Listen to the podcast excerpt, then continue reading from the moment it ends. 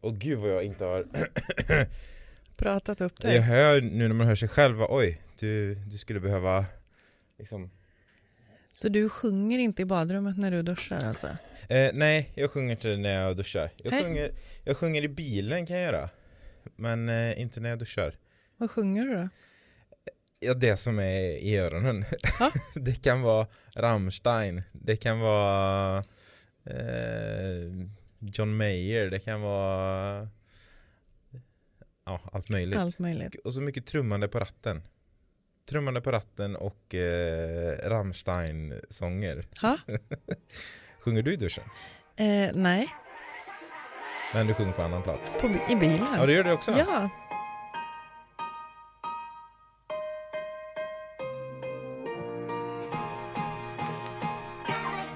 Hej och hjärtligt välkomna ska ni vara till eh, det här som vi kallar för numera Härta Härta Yes. med, eh, med dig Madeleine. Kallas du Madde? nej. Nej. Eller jo, vissa försöker. Men jag gillar inte det. Nej. Eh, Sen uppfostran, mina föräldrar varit stenhårda. Hon heter Madeleine och då säger man Madeleine. Jag kan tänka mig att jag är inte den första som ställer frågan. Nej, det är du inte. Och mina kollegor är väldigt bra på att påminna en person eller tala om för en person som möter mig första gången när de säger men tjena Madde. Hon gillar inte det, säger de. Och det blir så här lite tryckt stämning först. Nej men Madeleine, de flesta säger Madeleine. Kan inte du bara, ditt fullständiga namn, kan vi ta det?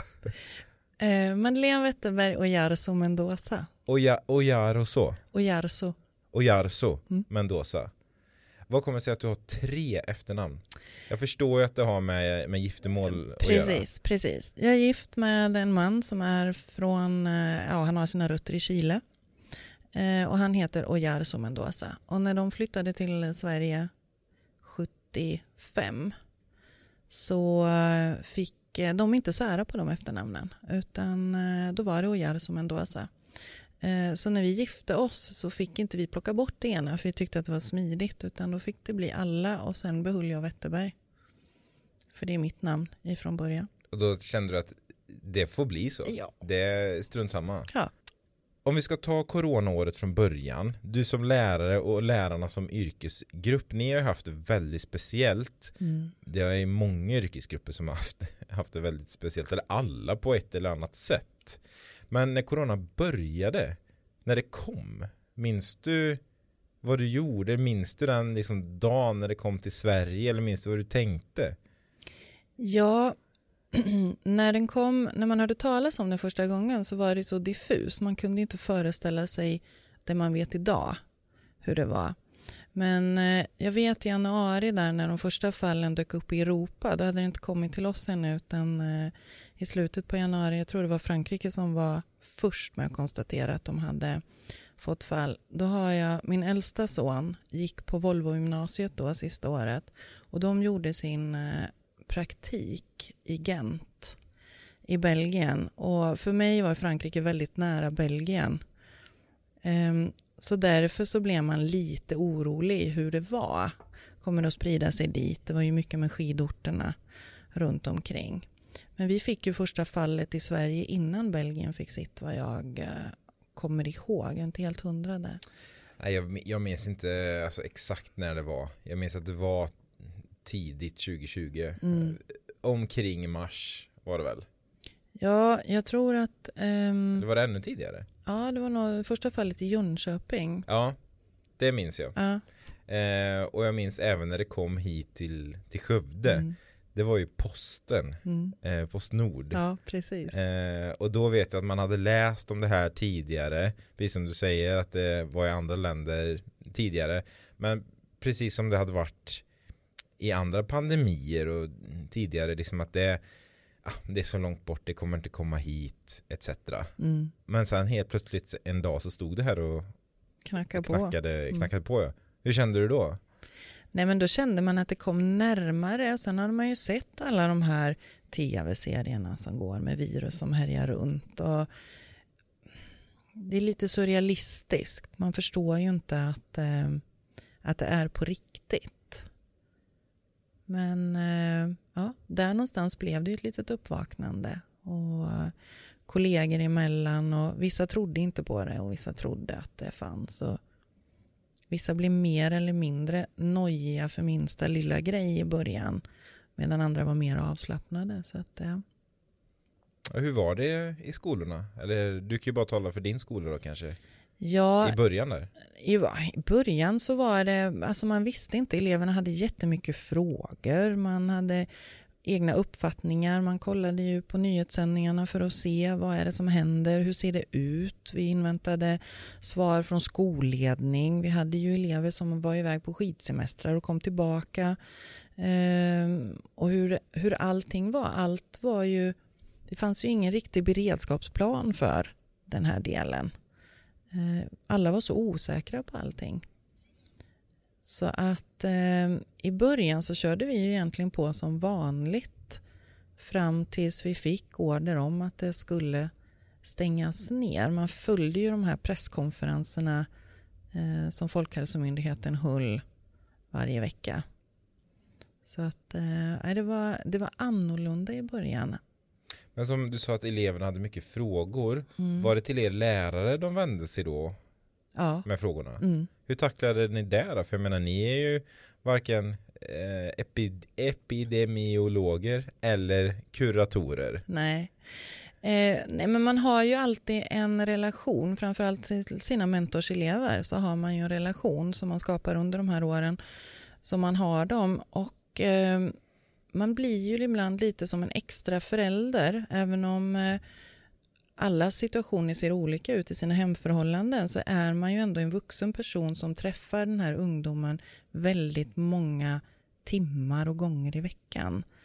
Vilket gör att man, man har ju ett förtroende och i min roll så går man nästan in som i den föräldrarollen. Hade mina barn frågat mig samma sak hade jag också svarat. Jag svarar ärligt på det här vet jag inte någonting om, jag får ta reda på det, vi får avvakta och se eh, den här biten.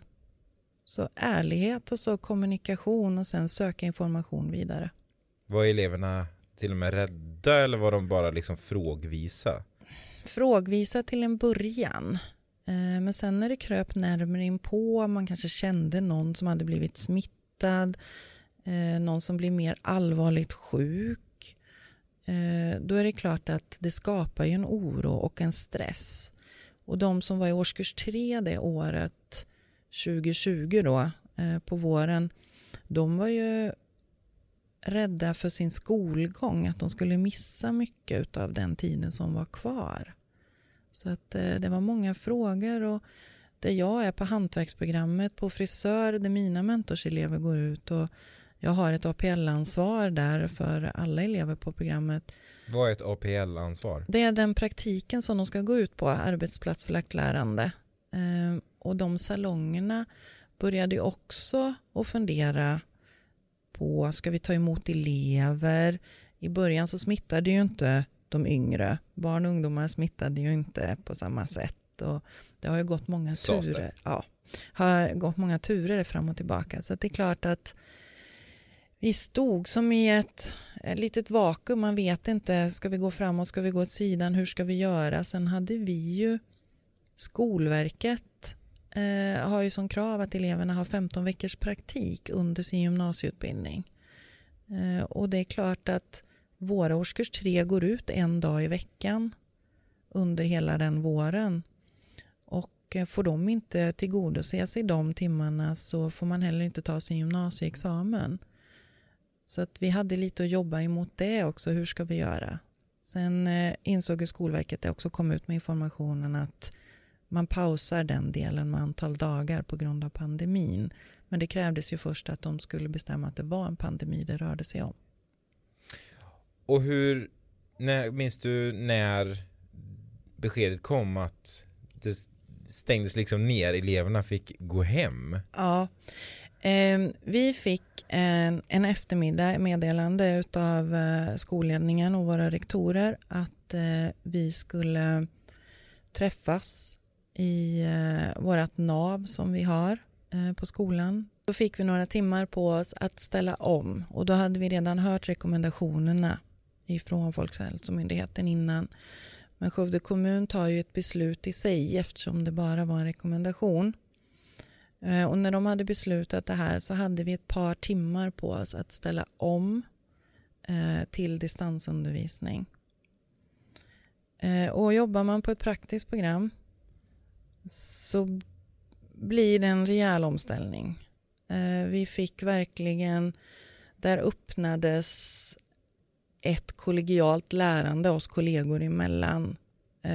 Alla hjälpte alla, vi spred idéer, möjligheter, hittade vägar på plattformar som vi kunde nå ut på bästa sätt för att kunna fortsätta den här undervisningen.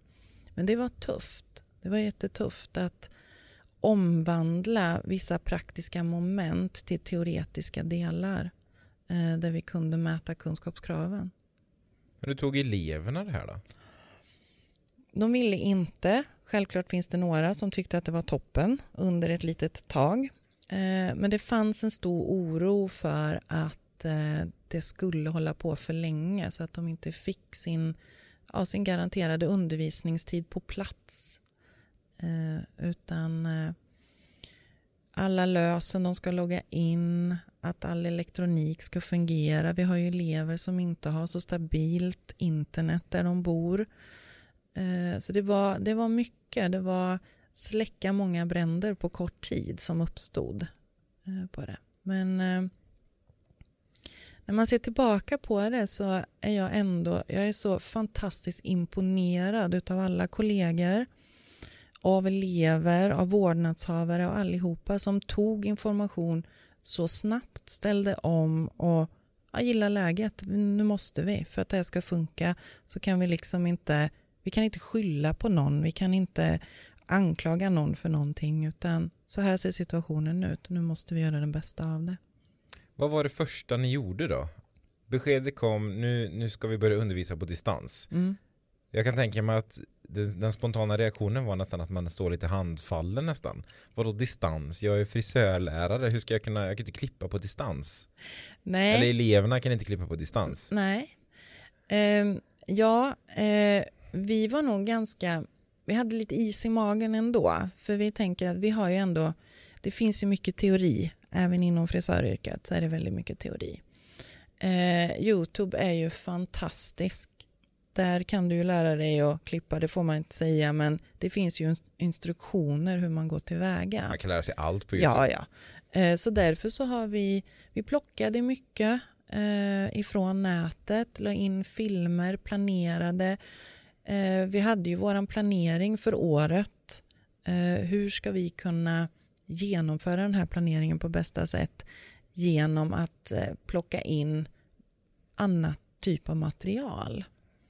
Eh, så det var det. Och de som var årskurs tre i det läget, de hade ju redan lärt sig grunderna på allting. Så den biten därifrån mars fram då tills de tog studenten, där hade vi kanske inte den tiden att kunna ge dem den mängdträningen de hade behövt. Eh, så det är väl det man känner att de har förlorat. Årskurs två tänkte vi att eh, det här är slut efter sommaren, det tar vi då. Men ack så fel ni fick. Det, så de som man egentligen ska se har fått eller drabbats värst, det var ju de som gick i årskurs två det året. Mm. Um, de som tog examen nu 21. Precis. Så att eh, där har vi matat på när vi fick in eleverna under korta perioder med enbart praktiska moment då, så man har kunnat stämma av kunskapsmålen på dem. Men det är klart, de har missat mycket av den här träningen. Det är ju ett hantverksyrke så du måste träna för att bli bättre. Man kan ju inte läsa sig till eller bli bättre på att titta på film utan det är ju den praktiska träningen. Sen får jag säga att vi har haft eh, branschen som ett stöd på många sätt där de ibland då har tagit emot, vissa salonger har tagit emot eleverna mer för att de ska få den tiden att, eh, att träna. Och sen finns det salonger som inte haft möjlighet att ta emot eleverna för att de har haft en liten yta, mycket äldre kunder som har gått hos dem. Så att eh, Vissa elever har klarat sig kanske lite bättre än andra För man har haft olika förutsättningar. Hur har du själv klarat det då? Bra.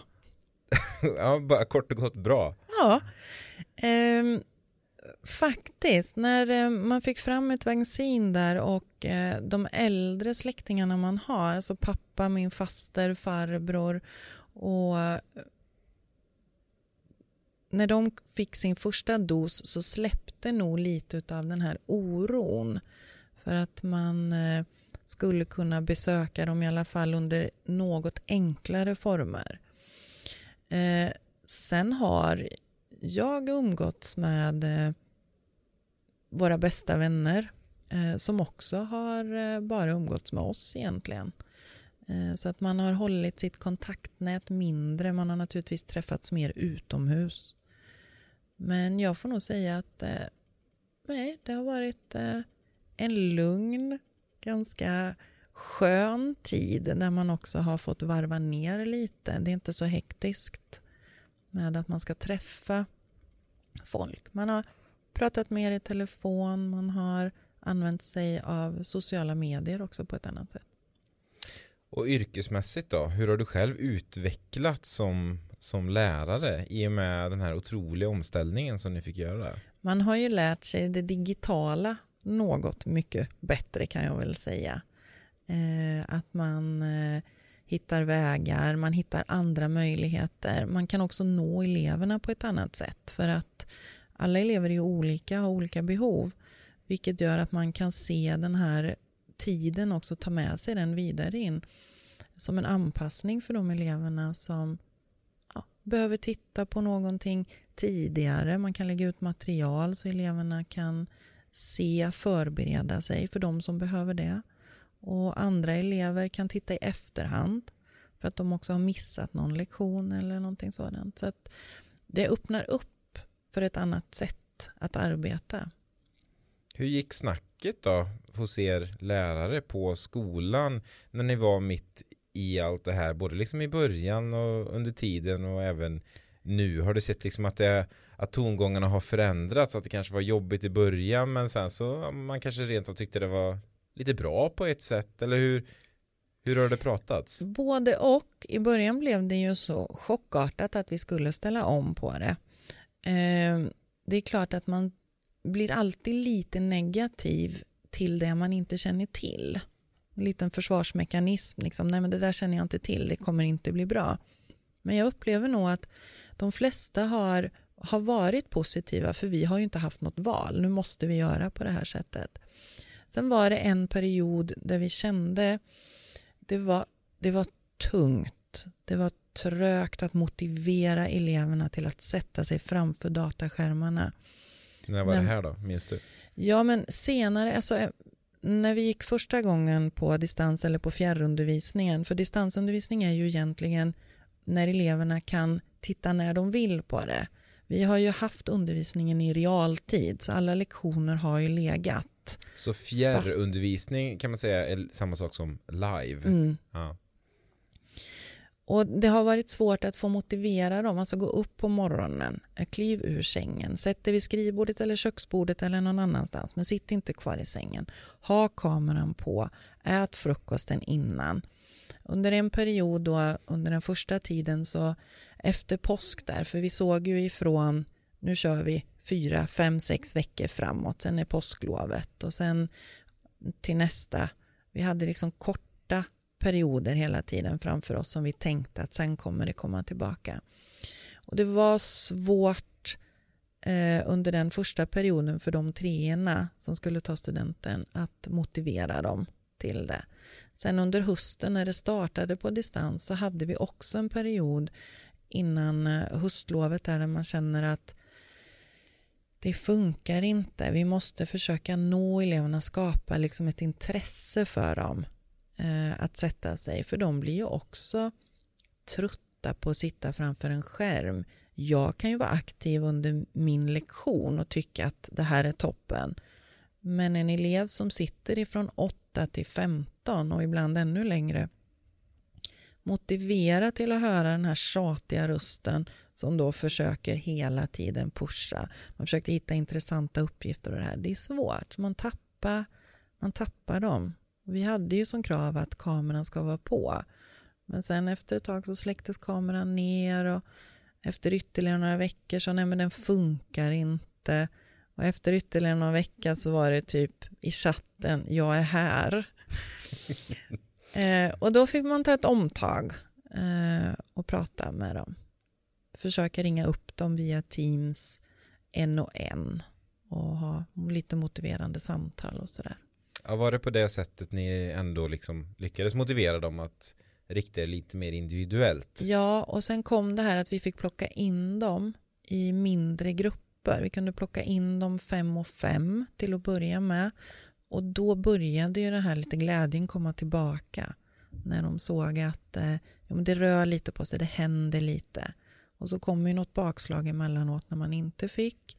Och sen så öppnar det upp lite igen. Så att, eh, men korta perioder som man satte som delmål eh, för dem. Men hela tiden att det kan bli längre. Och då får vi lösa det, vi kommer att klara det. Som att man pushar. Mm. Och hur klarade de det då? De som började tvåan där, eh, eller som gick i, i tvåan mm. när corona bröt ut som fick gå egentligen hela år tre mm. väl på distans. Ja. Hur gick det för dem? För jag menar 33% av sina gymnasiestudier på distans. Det är väl första gången det har hänt på ja, någonsin. Mm. De har klarat sig bra. De har klarat sig bra. Eh, många kände sig osäkra för som frisör bland annat då, om vi tittar på dem så gör de ett delprov som är första steget mot eh, att bli en behörig frisör. Och där var det en del som valde att inte gå upp på det delprovet som låg i eh, början på juni, slutet på maj. För att eh, de kände sig osäkra för att de inte hade tränat tillräckligt mycket. Sen så kan man vända på den kakan och så kan man se att du har ju egentligen haft all tid i världen att träna på vissa delar. Vi lånade ut dockor till eleverna, de kunde träna hemma. Eh, fick med sig material från skolan så att de kunde träna hemma på det. Men finns inte motivationen på grund av att man ska göra det själv så är det naturligtvis svårt för mig via en skärm att eh, motivera. Men mängdträningarna har de eh, missat och vi har säkert tappat någon elev som inte är kvar i yrket just på grund av det här. Men eh, om vi pratar för alla program på Kavelbro som är yrkesprogram så får jag nog säga att eh, det har gått bra. Tittar vi statistiskt sett på de som har gått ut med sin gymnasieexamen så finns det vissa program som faktiskt har eh, fått fler elever med gymnasieexamen än vad det har varit tidigare. För man har nått de här som lite mer tysta, inte visar sig så mycket, inte kommer till skolan. Eh, de har vi nått på ett annat sätt. Är det här någonting som du tror man skulle kunna fortsätta med i en viss mån även när liksom pandemin nu, jag säger absolut inte att den är över för det är den inte men restriktionerna har just idag i alla fall, vi får se när det här avsnittet släpps eh, men idag har de i alla fall lättats på rejält skulle man kunna fortsätta med distansundervisning på gymnasiet i viss mån, tycker du? Ja, det tycker jag. Eh, sen är det alltid bättre att ha dem på plats naturligtvis. Men som en anpassning för vissa elever, ja, det skulle man kunna. För man har hittat nya vägar. Sen ska det inte bli att alla har rätt till att ha en distansundervisning och att man ska kan välja det istället. För då fungerar det inte. Det tror jag inte. Och då blir också arbetsbördan för lärarna så fruktansvärt tung. Eh, för det går inte att hålla både på plats och digitalt samtidigt. Eh, det, blir för, eh, det blir för många bitar som ska passa ihop. Så det funkar inte. Men man kan ta med sig det i sin undervisning på många sätt.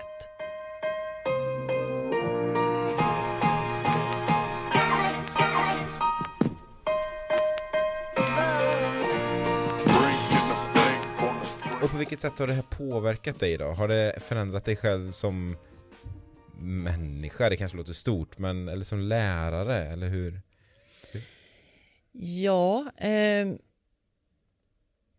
både och får jag nog säga där. Eh, man har blivit mer positiv till att eh, hitta nya vägar, nya möjligheter. Eh, man skapar relationer eh, på ett annat sätt och man tar också tillvara på den här tiden när man ses med eh, eleverna. Eh, för man vet inte. Man kan också motivera eleverna, nu vet vi inte, nu har vi här den här tiden som vi vet att vi får ha, nu får vi försöka jobba på med de här bitarna. Sen så har man ju utvecklats i eh, det kollegiala på ett annat sätt. Förut så körde man på lite, lite gamla hjulspår. Man visste man har en lektionsplanering. Det är de här kursmålen som ska ingå i den här kursen. Kunskapskraven. Man tittar hela tiden på uppgifter då som kan eh, leda till att eh, eleven utvecklas.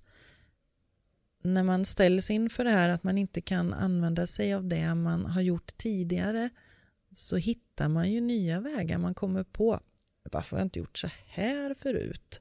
Eh, men det här var ju en jättebra idé.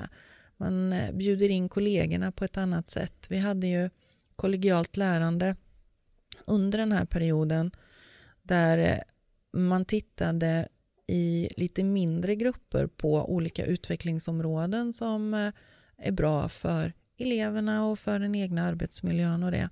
Och när vi ställde om då och det blev digitalt istället så gick man ju ihop i sina arbetslag eh, och tog över det kollegiala dit, att man delade med sig. Och även inte bara på ett program utan man var flera program som gick ihop. Vi står inför det här med våra elever. Hur har ni jobbat med den delen? Så att man, man bjöd in på ett annat sätt. Man var inte så... Många kan ju vara på det här sättet att man sitter och håller det lite för sig själv. Man delar inte med sig. Så den här delakulturen började ju på ett helt annat sätt än vad den har varit tidigare. Man hittade en plattform för när man la ut sin lektionsplanering, tips på hur man kunde jobba, vad man hade gjort. Så att det kollegiala blev väldigt mycket mer kollegialt och mer värt. Man såg eh, möjligheten att inte sluta allting till sig själv utan eh, mer upp öppen med allting. Världen slöt sig men ni öppnade upp er. Ja, emellan. Och det får jag ju säga att de kollegorna som man jobbar med är ju fantastiska. Eh, och att man också vågar fråga, vågar släppa in dem i, min, i mitt arbete och se att så här gör jag. För ibland kan man uppleva att man är rädd för att lätta lite på det där för att man är rädd för att bli kritiserad, man är rädd för att göra fel eller att någon kommer och säger nu kan du göra så här och nej nu skapar det massa mer jobb när du kommer med nya idéer. Det är inte så utan det är bara positivt. De som gick i, nu ska vi se, i ettan då, eller i, nej vänta nu, i tvåan i våras. Mm. De som börjar trean nu. Mm. Hur har de reagerat här nu då på när restriktionerna har släppts? Tycker de det är det som kor på grönbete? Ja men lite. De tycker att livet är toppen. De har ju hunnit att fylla 18 många av dem och nu får de ju gå ut på krogen och de tycker ju att eh, det är toppen. Men eh, om vi ser i skolan så eh, de har jobbat på fantastiskt bra och de är väldigt positiva. Eh, och nu är de ju glada över att eh, det har öppnat upp och att de får ändå som det ser ut och som vi förväntar oss i alla fall få sista året som vanlig skolgång. Så att, eh, nej men de är jättebra. Och även om de har missat lite så har vi ju betat av det teoretiska. Så nu kör vi all in på praktiskt med dem. Ta vara på tiden. Ja, och försöker få igång också våran kundkrets nere på salongen på skolan. För ja, passa på att göra lite reklam för ja, den. Ja, precis. Den har ju varit stängd eh, under pandemin. Men eh, nu är den öppen igen så att eh, kom ner och klipp er. Ja, för de som inte vet det, mm. så ni har ju en salong. Mm. Det, ja, du kan få berätta själv för eh, gemene man. Liksom. Ja, när vi har en salong eh, nere på Kavelbro. Eh, jättefin. Den invigdes eh, 2016. så den är ju relativt ny. Eh, där vi har 20 platser, för vi har 20 elever som vi har intag varje år. Och eh, där kan man boka en behandling. Det kan vara klippning, skägg permanent, färg, slingor, olika slingtekniker med både folie och balayagetekniker. Vi kan sätta i löshår. Vi färgar bryn, fransar. Och det här eh, riktas till alla egentligen, Mm. alla är välkomna. Alla är välkomna. Det är ingenting sånt att man måste vara anställd i Skövde kommun eller något sånt där. Alla är välkomna. Mm. Har salongen något namn? Nej, den heter eh, Kavelbros eh, frisörsalong om man söker på det Ja. så kommer det fram. Tänkte att vi skulle avsluta med det att vi välkomnar folk till eh, salongen på Kavelbro. Absolut. Ja.